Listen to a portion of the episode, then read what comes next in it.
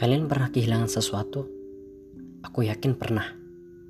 Di luar sana ada yang pernah kehilangan barang berharga, jabatan, keluarga, semangat, harga diri, anggota badan, dan lain sebagainya.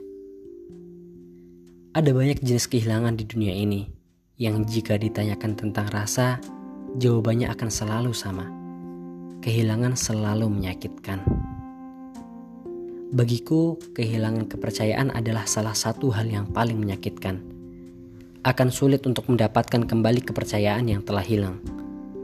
Bayangkan jika semua orang sudah tidak lagi percaya kepada kita. Kita seolah berjalan dengan membawa papan bertuliskan tidak dapat dipercaya. Ke mana pun kita pergi selalu dirundung perasaan bersalah. Tidak akan ada yang mau berbagi walau sepenggal kisah. Siapa pula yang sudi berbagi dengan orang yang tidak dapat dipercaya? Maka, jika kalian tidak ingin kehilangan sesuatu, jangan pernah meminta sesuatu itu. Jangan pernah.